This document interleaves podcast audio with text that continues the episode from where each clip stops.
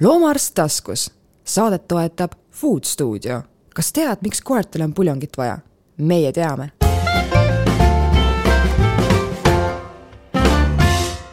tere, väljas on juba suur suvi ja meie siin teeme oma selle kevade viimast podcasti. mina olen Tiina Toomet, te kuulate podcasti Loomaarst taskus ja minu vastas üle laua istub minu külalisena Tiia Ariko. tere, Tiia! tere!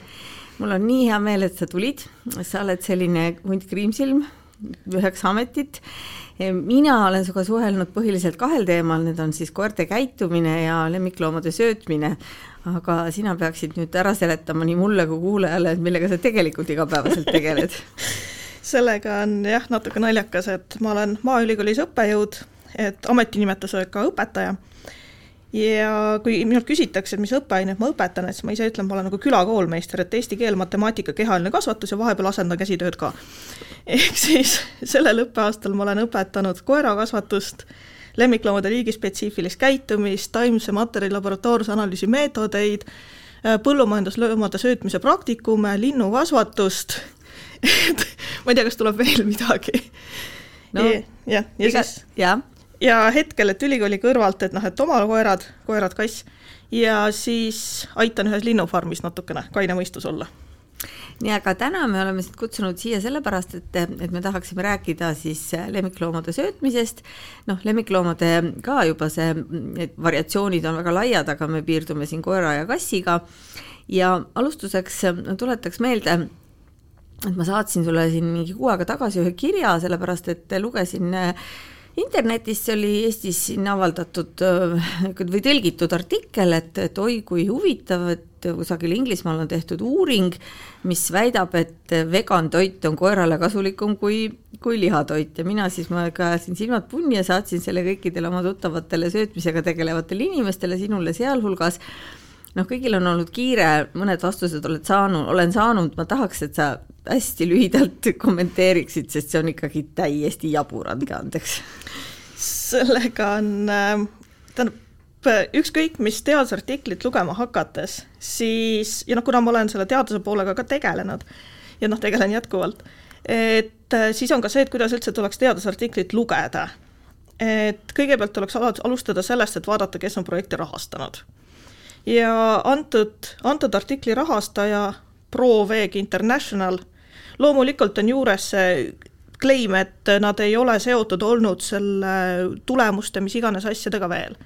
aga alati tuleks sellest alustada, et äh, kui palju seal võiks ikkagi seda mõjufaktorit olla ja tahes-tahtmata me võime üritada olla neutraalsed, aga tahes-tahtmata me ikkagi tekitame mingisuguse alatooni siia kõrvale võib ka öelda, et näiteks Maaülikoolis äh, on tellitud ühte uuringut, noh sellised loomkatsed ja asjad, et enamasti ostetaksegi sisse. Ja üritati panna lepingusse sisse punkti, et kui tulemused meile ei sobi, siis me raha ei anna okei okay. loomulikult me sellega edasi ei läinud.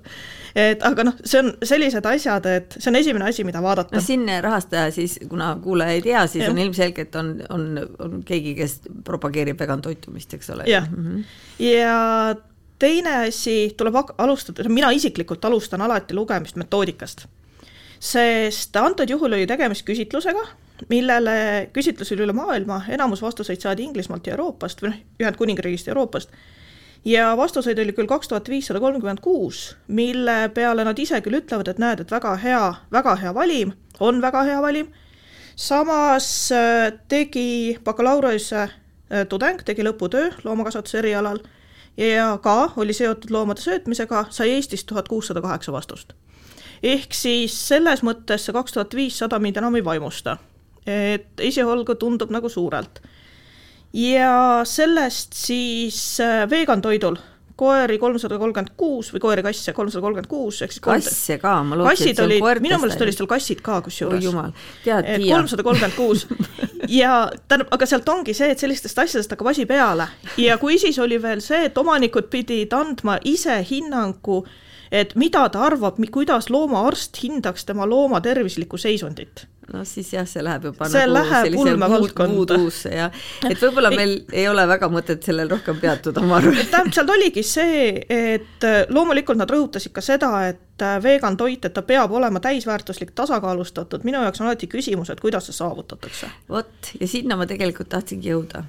et ilmselt on kuidagi võimalik, aga vist ikka väga läbi allikivi noh, tegelikult on just see, et asendamatutest asjadest, me räägime asendamatutest aminohapetest ja rasvhapetest. no pluss siis need energiad, üld, üldised proteiinid, noh, kõik need tulevad sinna juurde, aga et aminohapped, rasvhapped, vitamiinid, mineraalid. ja kuna organismis näiteks valgumolekülü lagundataksegi ära üksikuteks aminohapeteks, siis tegelikult on võimalik neid üksikuid aminohappeid sinna toidu sisse ka panna ja see sisaldus ära ta-, tagada. ja võib neid toota ka näiteks vetikatega vegan toidu jaoks teoreetiliselt on võimalik, praktiliselt on asi natukene teine. et eh, kas nad garanteerivad ära, et igas sellises toodetud partiis on asi täiesti paigas. ja järgmine asi, üksikud aminohapped on maitselt kibedad. ja viidati seal küll ühele artiklile, võtsin ka selle lahti, viskasin pilgu peale, et äh, no et seal tulemus oli umbes selline, et äh, siin, ütlen ausalt, ma sellesse järgmisesse artiklisse ei jõudnud nagu põhjalikult süveneda, et viskasin lihtsalt tulemustele pilgu peale. tulemus oli stiilis, et äh, ega mait-, maitsus väga palju halvem ei ole. et söövad küll. et äh, samas vaadates enda kassi, kes oli siin allergiatoidu peal, et kus on ka, et valgumolekul on ära lõhutud peptiidideks, üksikud aminohapped ka sealjuures, no ei taha väga see kass seda et ikkagi noh, ja lõpuks ongi, et kass otsustas, mis tema tahab. jah, koeraga me saame siin veel nagu manipuleerida, aga kassiga on ikka väga keeruline. ma ikka hoian sind selle juures veel selle no, artikli juures no, sest mis mulle sealt veel üks hästi huvitav punkt silma jäi, oli see, et nad küsisid ka inimese, selle loomaomaniku, kes küsitlusele vastas, tema enda toitumiseelistust mm. -hmm. ja omnivoorid olid vastajatest neli, kõige, kõige toidulised olid vastajatest nelikümmend protsenti. ülejäänud kõik sõid puhast liha kahjuks karnivoor ei olnud. et oli, oli küll veel mõniteist protsenti neid, kes vähendavad oma lihatarbimist mm, -hmm. aga noh, siis see tähendab seda, et see suunitlus on ikkagi yeah. sinnapoole.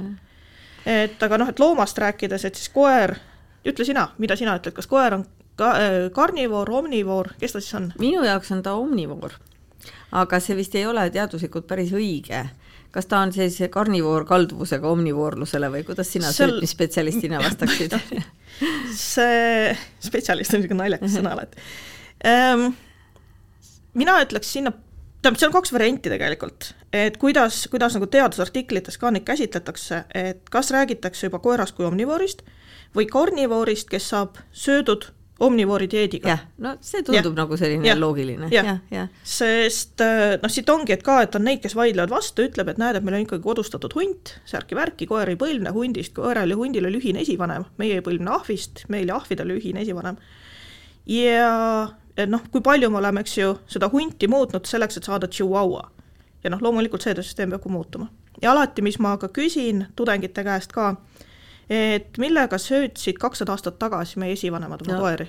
see on minu küsimus ka alati olnud, Oru Pearu ja, ja, ja jah, millega Oru Pearu söötis? Andis puhast liha.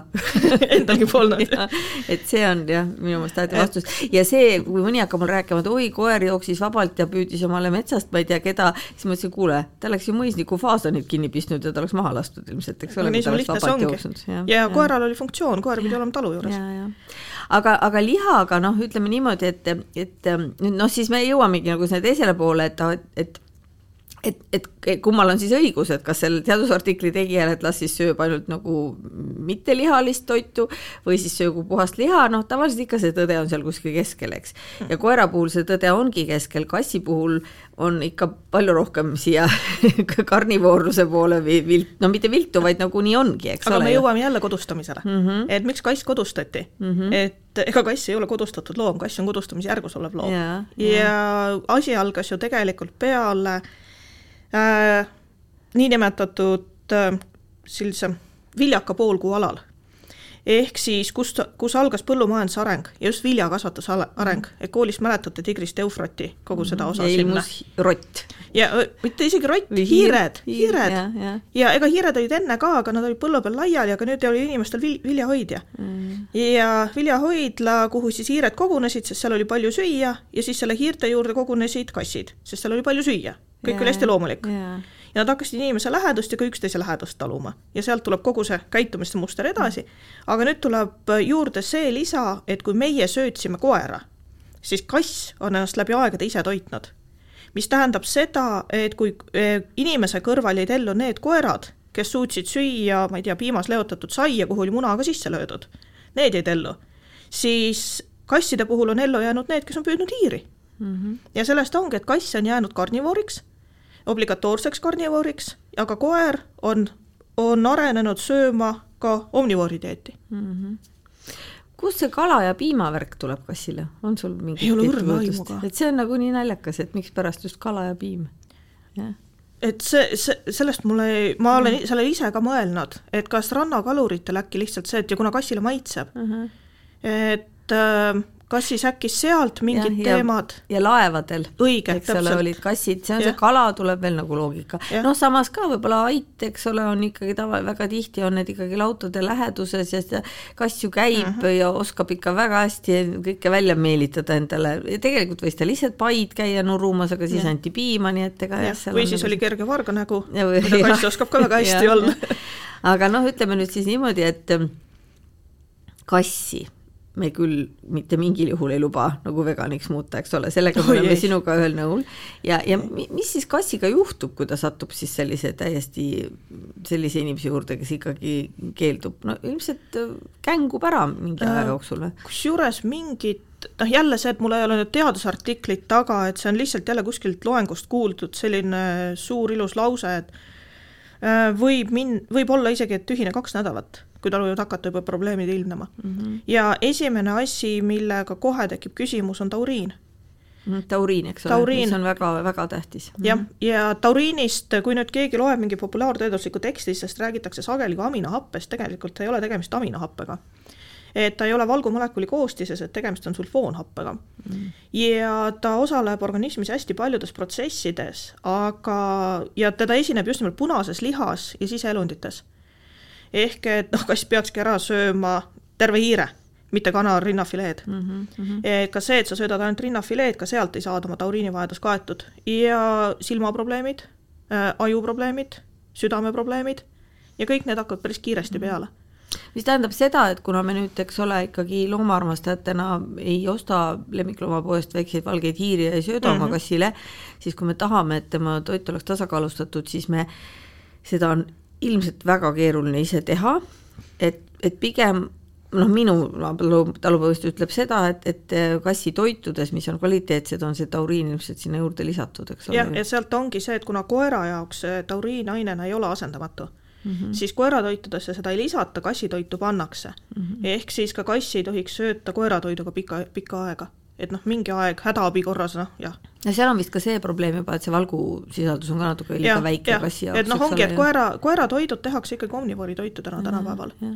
et Mis kass on- on teine teema. jälle, jälle kui mõelda nagu, nagu sellise globaalselt, siis on ju hea, sest me tegelikult tahame liha tarbimist ju, ju vähendada ja kui koer on võimeline saama energiat süsivesikutest, et miks me ei võiks siis seda ära kasutada, tema sellist omadust. see on, see on ka minu jaoks teema, et noh, loomulikult on neid, kes vaidlevad vastu, ütlevad, et noh, kõik ainult parim tema loomale, aga minu jaoks noh, aga Jeemeni lapsed, ja minul hakkab silm tõmblema selle peale, kui mina mõtlen, et lambad tapetakse Austraalias, korralikud lihakehad viiakse külmutatuna laevadega Kanadasse, kus tehakse koeratoiduks, mis söödetakse koertele sisse Eestis. siis mul jalajälg on väga suur. see on, millest see toit koosneb mm.? naftast. no vähemalt ei viida elusaid lambaid, mis on jälle omaette teema, et ma No, mõtlesin, et ma enam ei söö seda Austraalial ja, ja Uus-Meremaa lambaliha et. äh, aga rääkides sellest kodutoidu tegemist, siis, siis kõik on võimalik. ja aga küsimus ongi sellest teadlikkusest mm, -hmm. et kui palju sa tegelikult ise oskad seda kokku teha mm. -hmm. ja info on olemas, aga noh, jälle see, et allikakriitika, et see allikakriitika peab alati olema ees ja taga ja igal pool. et peab väga hästi teadma No. et Li- lihtne see ka ju ei ole. ei, kindlasti mitte, et mina ise söödan ka oma koeri, koeri ja kassi äh, äh, kuivtoiduga. just selle, noh, mul teadmised oleks, aga kõige sellega tegeleda nagu muu elu kõrvalt, et lihtsalt ei jõua no.. ega ausalt öeldes minul ka ühel hetkel jääb teadmisest puudu no rõõm kuulda, sellepärast et äh, siin paar aastat tagasi, kui ma oma koera-kassi söötmise raamatut kirjutasin ja sind ka sellega pidevalt piinasin, siis mulle ka lõpuks tundus, et ma olen ikkagi väga paljudest artiklitest ja teadustöödest ennast läbi närinud, et noh, et äkki ma siis nüüd proovin ühe toortoidu või niisuguse kodutoidu menüü ise ka teha ja tõstsin käed üles, ei saa hakkama, lihtsalt -hmm. lihtsalt täiesti teadmistest jäi puudu ja mõtlesin, ei, ei, ma ei hakka sellega tegelema. ja järgmine asi ongi see, et sa võid võtta ju mingisugused kirjandusandmed hakata sealt midagi, noh, võta nii palju makse, nii palju südant, nii palju liha, nii palju konti mm., äh, teed oma segu seitsme kokku, aga järgmine küsimus on vitamiinid. ja mis sul seal tegelikult sees on? ja kui tahta nagu sellist asja teha, siis tegelikult peaks asi lõppema segu seitsme analüüsidega.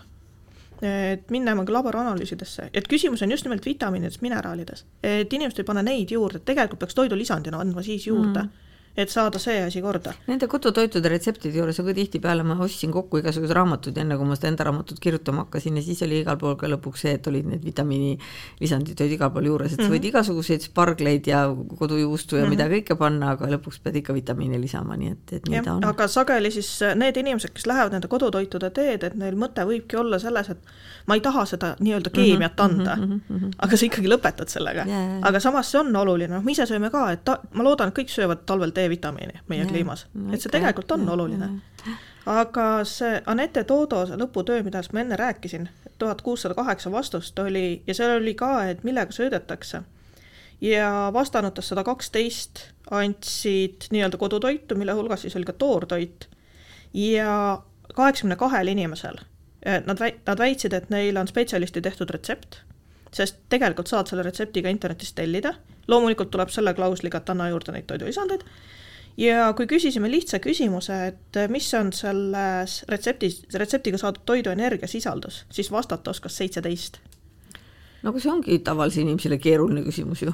nojah, aga samas on jälle see, et kui sa nagu selles, seda suunda hakkad minema, siis võiks juba teada. Mm et mi-, jätkuvalt mina ütlen, et kodutoit, toortoit, ise, ise tehtud selline nii-öelda tavatoit on tegelikult kõige loomulikum.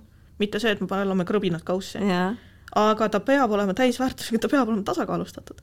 ja, ja noh, jälle see ka, et, et mulle nagu meeldib, et me saaksime kõik ära kasutada et noh, et midagi ei lähe raisku, aga see, et ma lähen ja siis hakkan oma koerale mingit fileed ostma ja spetsiaalselt talle vaaritama mm, -hmm. siis see mulle tundub nagu jälle nagu natukene ehkki noh, igalühel on omad valikud, ega siis ma ei saa kedagi arvustada, aga see ei ole minu jaoks no,. jah, et kui me lähme sinna Andrese Pearu, Pearu juurde, siis ka, et ega koeral ei kokatud, koer sai mm. selle, mis üle jäi. jah, jah. ja tegelikult ma vahel imestan, et tal üldse midagi üle jäi, seepärast et, et ega seda rokka oli vaja ikka sea jaoks ju, eks ju, sest siga oli see, kes siis kasvatas jälle, see on peki selga ja keda söödi, et, et eks see koer pidigi suhteliselt vähesega leppima ja hakkama saama, et, jah, ja ega nad ju näituse konditsioonis ka ei olnud. ei, seda kindlasti mitte. et kui vaadata neid vanu pilte, et siis mm. tegelikult need äh, koerte karvad ja noh mm., kehakonditsioon üldiselt ja see kõik ei ole nagu selline, mis me tänapäeva mm. koeralt eeldame. et see ei ole ka see, mis meil nüüd nagu ideaal oleks, aga aga igasuguseid variante on ju veel, no siis vahepeal tuli see, kuidas süsivesikud on saatanast ja ja inimesed hästi palju arvasid, et kui inimeste hulgas on gluteenitalumatuid, et siis koeri on ka, siin kaks aastat tagasi, kui ma seda asja uurisin, siis oli vist maailmas mingi alla kümne koera oli leitud, kellel oli tõesti nagu dokumenteeritud gluteenitalumatus, aga aga seda nagu hästi-hästi kantakse, kantakse loomadele üle, et osad toidud ju reklaamivad ennast, et teraviljavabad, so what, palun vabadust, mis vahet seal on, minu jaoks, ma ei tea see on nüüd see, et kui, kui põhjalikult me keemiasse lähme. ei lähe, ärme lähe ja muidu keegi ei kuula meid ei, ei, okei okay,, natuke lähme. sellest, sest kui nüüd see valgumolekul selleks, et ta imenduks loomasoolestikus, et äh, tuleb ära lõhkuda üksikuteks aminohapeteks, siis täpselt samamoodi tuleb tärklis äh, lõhkuda ära üksikuteks monosahariidideks, selleks, et ta imenduks. ja ongi erinevad ensüümid hakkavad lõikama järjest juppe lühemaks, kuni lõpuks jäävad kokku kaks monosahariidi ehk jääb disahariid. kõige klassikalisem näide sellest on laktoos mm, -hmm. kus on siis galaktoos ja glükoos on koos piimasuhkur. piimasuhkur, jah ja., laktoosi mhm. talumatusest räägitakse inimese ja, juures, sellepärast saab seda siia panna. ja siis ongi see, et see ensüüm jälle omakorda on valgumolekul, mida teevad meie, eh, mis, noh, mida siis tehakse meie organismis geenide abil. ja täiskasvanud inimesel see geen, mis seda laktaasi, ehk siis mis seda viimast sidet läbi lõikab, seda ainet toodab, ensüümi toodab, see geen lülitatakse välja ja need, kellel see, kes saavad täiskasvanu piima juua, tere tulemast, me ei ole mutandid, mina olen mutant. sest ongi mutatsioon, et ei lülitata välja. ja nüüd ongi, et võib juhtuda, et näiteks mõnel üksikul koeral ei ah,, ei veel, et äh, sõltuvalt siis nendest monosahariididest, mis seal koos on, et iga sellise erineva kombinatsiooni lõhkumiseks on vaja erinevat ensüümi. Ja võib juhtuda, et mõnel koeral näiteks ei ole geeni mingisuguse ühe üksiku ensüümi jaoks mm. -hmm. ja tema, tema seda tõesti siis süüa ei saa, sest läbi, see side jääb läbi lõikamata. diisahariid ehk siis suhkur läheb jämesoolde, kus mikroobidel on pidu mm -hmm. ja siis ongi sihuke mõnus, mõnus kõhulahtisus mm, -hmm. eks ju. Mhm. aga nüüd küsimus ei ole mitte liigis, vaid küsimus on selles üksikus indiviidis mm. -hmm. ja, ja samas üks asi veel, et kui sinul kui loomaarstil on imelik rääkida, aga Äh, need, äh, need ensüümid seal soolestikus ei ole pidevalt, vaid neid tehakse vastavalt sellele, kuidas vaja on mm. -hmm. ja kui mhm. keegi söödab nüüd oma koera ühe toiduga, kus on, tekivad need ühtemoodi äh,, disahariidid siis äh,, ja ensüümid toodetakse nende lõhkumiseks ja nüüd, kui järsult vahetatakse toitu, siis võivad tekkida teised disahariidid, mille jaoks ensüümi sel hetkel ei ole mm. -hmm. see on see, miks tuleb minna ühelt toidult teisele järk-järgult üle yeah.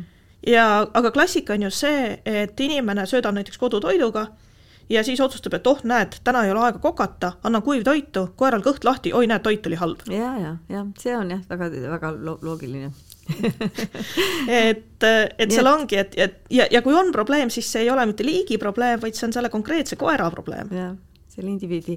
nii et, et selles mõttes ei maksa siis neid süsivesikuid karta ja me ei maksa üle kanda kõik inimeste hädasid, hädasid loomadele.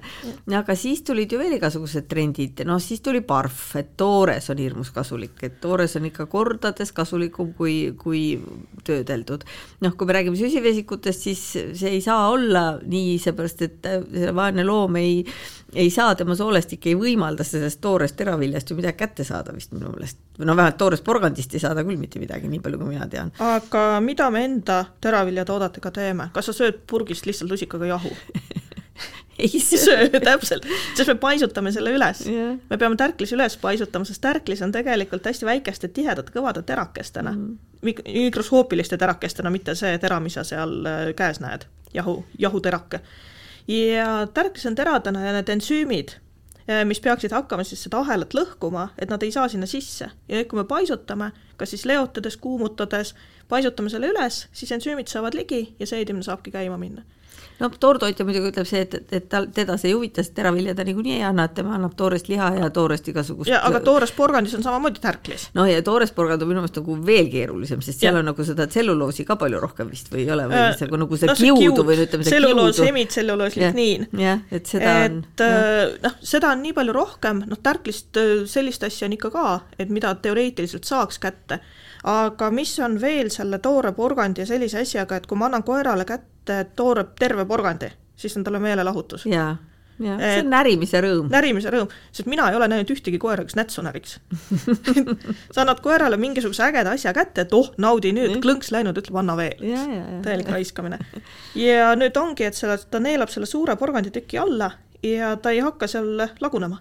meie mm -hmm. närime toidu peeneks, koer seda ei tee. ehk siis tegelikult peaks siis olema kõik need köögiviljad püreestatud aga kas sellest äh, paljast püreestamisest aistab või ta peaks ikka kuumtöödeldud ikkagi olema? saab ikkagi selleks, et see, et ta sellest tärklisest, et ta energiat omastaks mm -hmm, sealt, ütleme mhm. siis energia poole pealt mm -hmm. praegu, siis ta peaks olema ikkagi üles paisutatud mm. -hmm, ja samas, mhm. kui sa annad selle suure tüki kätte, siis kui paljud siin ka vitamiinid näiteks välja saavad mm. -hmm, et kõik mm -hmm., noh, milleks sa seda annad, on alati küsimus yeah samas jälle sellel kiu poolel, mida, millega loomaorganismis olevad ensüümid midagi teha ei suuda, aga suudavad teha mik-, mikroobid et sellel kiul on ju ka funktsioon, sest jämesoole mikrobiomist räägitakse mehest rohkem. sa pead olema oma, sa pead kiud. olema ja. oma mikroobidega sõber. ja, ja, ja. no porgandiga on tõesti niimoodi, et, et, et kui ta seda närida armastab, siis ma olen alati öelnud, et kui kõht lahti ei lähe, et las närib, aga et noh, põhimõtteliselt, kui te pärast sealt selle, selle kakasest kokku korjate, te võite selle porgandi uuesti kokku panna, mulle tundub, et enamasti nad niimoodi, niimoodi sealt nagu välja tulevad, et et see ongi nagu ainult närimiseks, aga kont lugesin sellist teooriat, et annad pöidla suuruse konditüki toore ja siis sealt kõik kohe tulevad kõik mineraalid ilusti koera organismi, mõtlesin huvitav, kuidas. Ma olen keemiat küll õppinud, aga ma ei oska küll seda ette kujutada endale, et kuidas see pöidlasuurune kont mis heal juhul küll läbib soolestiku ja ei anna tööd loomaarst-kirurgile et kuidas sellest võiks imenduda seal kusagil seal oli mainitud ka maos leiduvat soolapet, aga siis ma hakkasin kujutama ette seda protsessi ja ma sain aru, et sealt ei tule küll midagi sellist, mis, mis väga kasulik oleks. ma ei, ma ei taha sinna nagu laskuda, meil ei ole väga palju aega, meil on veel igasuguseid asju veel rääkida. no igatahes mina ei näe pöidla suuruse toore kondi andmisel mingit kasu, kas sina näed äh,? teoreetiliselt äh, ta sealt äh, aja jooksul saab oma kaltsiumit asja kätte. mismoodi? toimubki, seesama sinu soolhape hakkab peale, alates sellest. ja siis on veel, et kogu see valguline osa, mis seal on mm, -hmm. sest ega äh, luukont, eks ju, luu mm, -hmm mis su anatoomia õppejõud ütleks sulle. aga ma ei, ma ei räägi loomaloodest, ma räägin kondist, mis antakse toiduks. aa, see on see kulinaarne termin. kulinaarne kont, jah. kulinaarne termin. ja, ja muidu on luud, ma olen nõus. ei, see, see on meil see ülikooli peal on selline mm -hmm. sisemine nali on see, et kont on kulinaarne termin yeah.. et äh, okei okay,, konti söötes äh, seal ongi, et jah, et tal on mineraalained, muud ained veel, ta hakkabki seedima ja tegelikult see kaltsium vabaneb sealt selle käigus et äh, saab täiesti kaltsiumivajaduse rahuldatud, andes konti, aga samas on jälle nüüd küsimus see, et kui sa annad selle poi-, pöidla suurusega tüki, siis enamus koeri neelab selle klõnks alla mm, -hmm. mis tähendab seda, et tal on kõhus suur tükk konti mm. -hmm. ja meenutades oma enda isiklikku Rottweilerit, kes tänavalt leidis kondi, tegi klõnks, oligi natuke pöidlast suurem tükk ja tema hakkas selle peale oksendama ja äh, samas välja see ei tulnud ja siis, kuna ma olin just kliinikus praktikal tudengina, siis me tegime röntgenipilti ja vaatasime, kuidas ta siis järjest lahu, lahustus seal kas kolm-neli päeva. ja kõik see aeg oli mul see küsimus, et kas ta jääb nüüd kuhugi kinni, ta ei jää mm -hmm, kinni mm. -hmm. et konti peab koer oskama süüa mm. -hmm. kui koer oskab seda süüa, hambaid ära ei lõhu, ei anta liiga suurt konti äh, ja sööb rahulikult, ei söö suuri tikke sisse siis noh, teoreetiliselt miks mitte, eks. no siis oleks ju lihtsam kondijahu anda no kondijahu jah, no ja, mul on vastas loomaarst, eks sest noh, alati on see oht ja. ikkagi, et ta kuskile jääb. samas jälle nii samamoodi nagu toore porgandi andmine, et ma annan sellise suure jämeda toore toruluu ja ta mm -hmm. saab seda närida, aga ta ei neela sealt mingit tükke alla, siis see on minu jaoks okei okay.. aga samas, konditüki samas alla neelan. loomaarst Kadri Kääramees kindlasti vaidleks sulle vastu hammaste teemal. hammaste teemal, ma tean, et seal on see oht olemas muidugi, et ta võib neid hambaid rikkuda me tahtsime tegelikult rääkida veel ka puljongist, me peame jõudma nüüd puljongini, enne kui meil aeg otsa saab. Sellepärast, et, et noh, sul on ju värske, värske kogemus endal, et kõhulahtisuse koer ja, ja kuidas sa seda puljongit nüüd siis tarbisid või andsid talle, et tal parem hakkaks?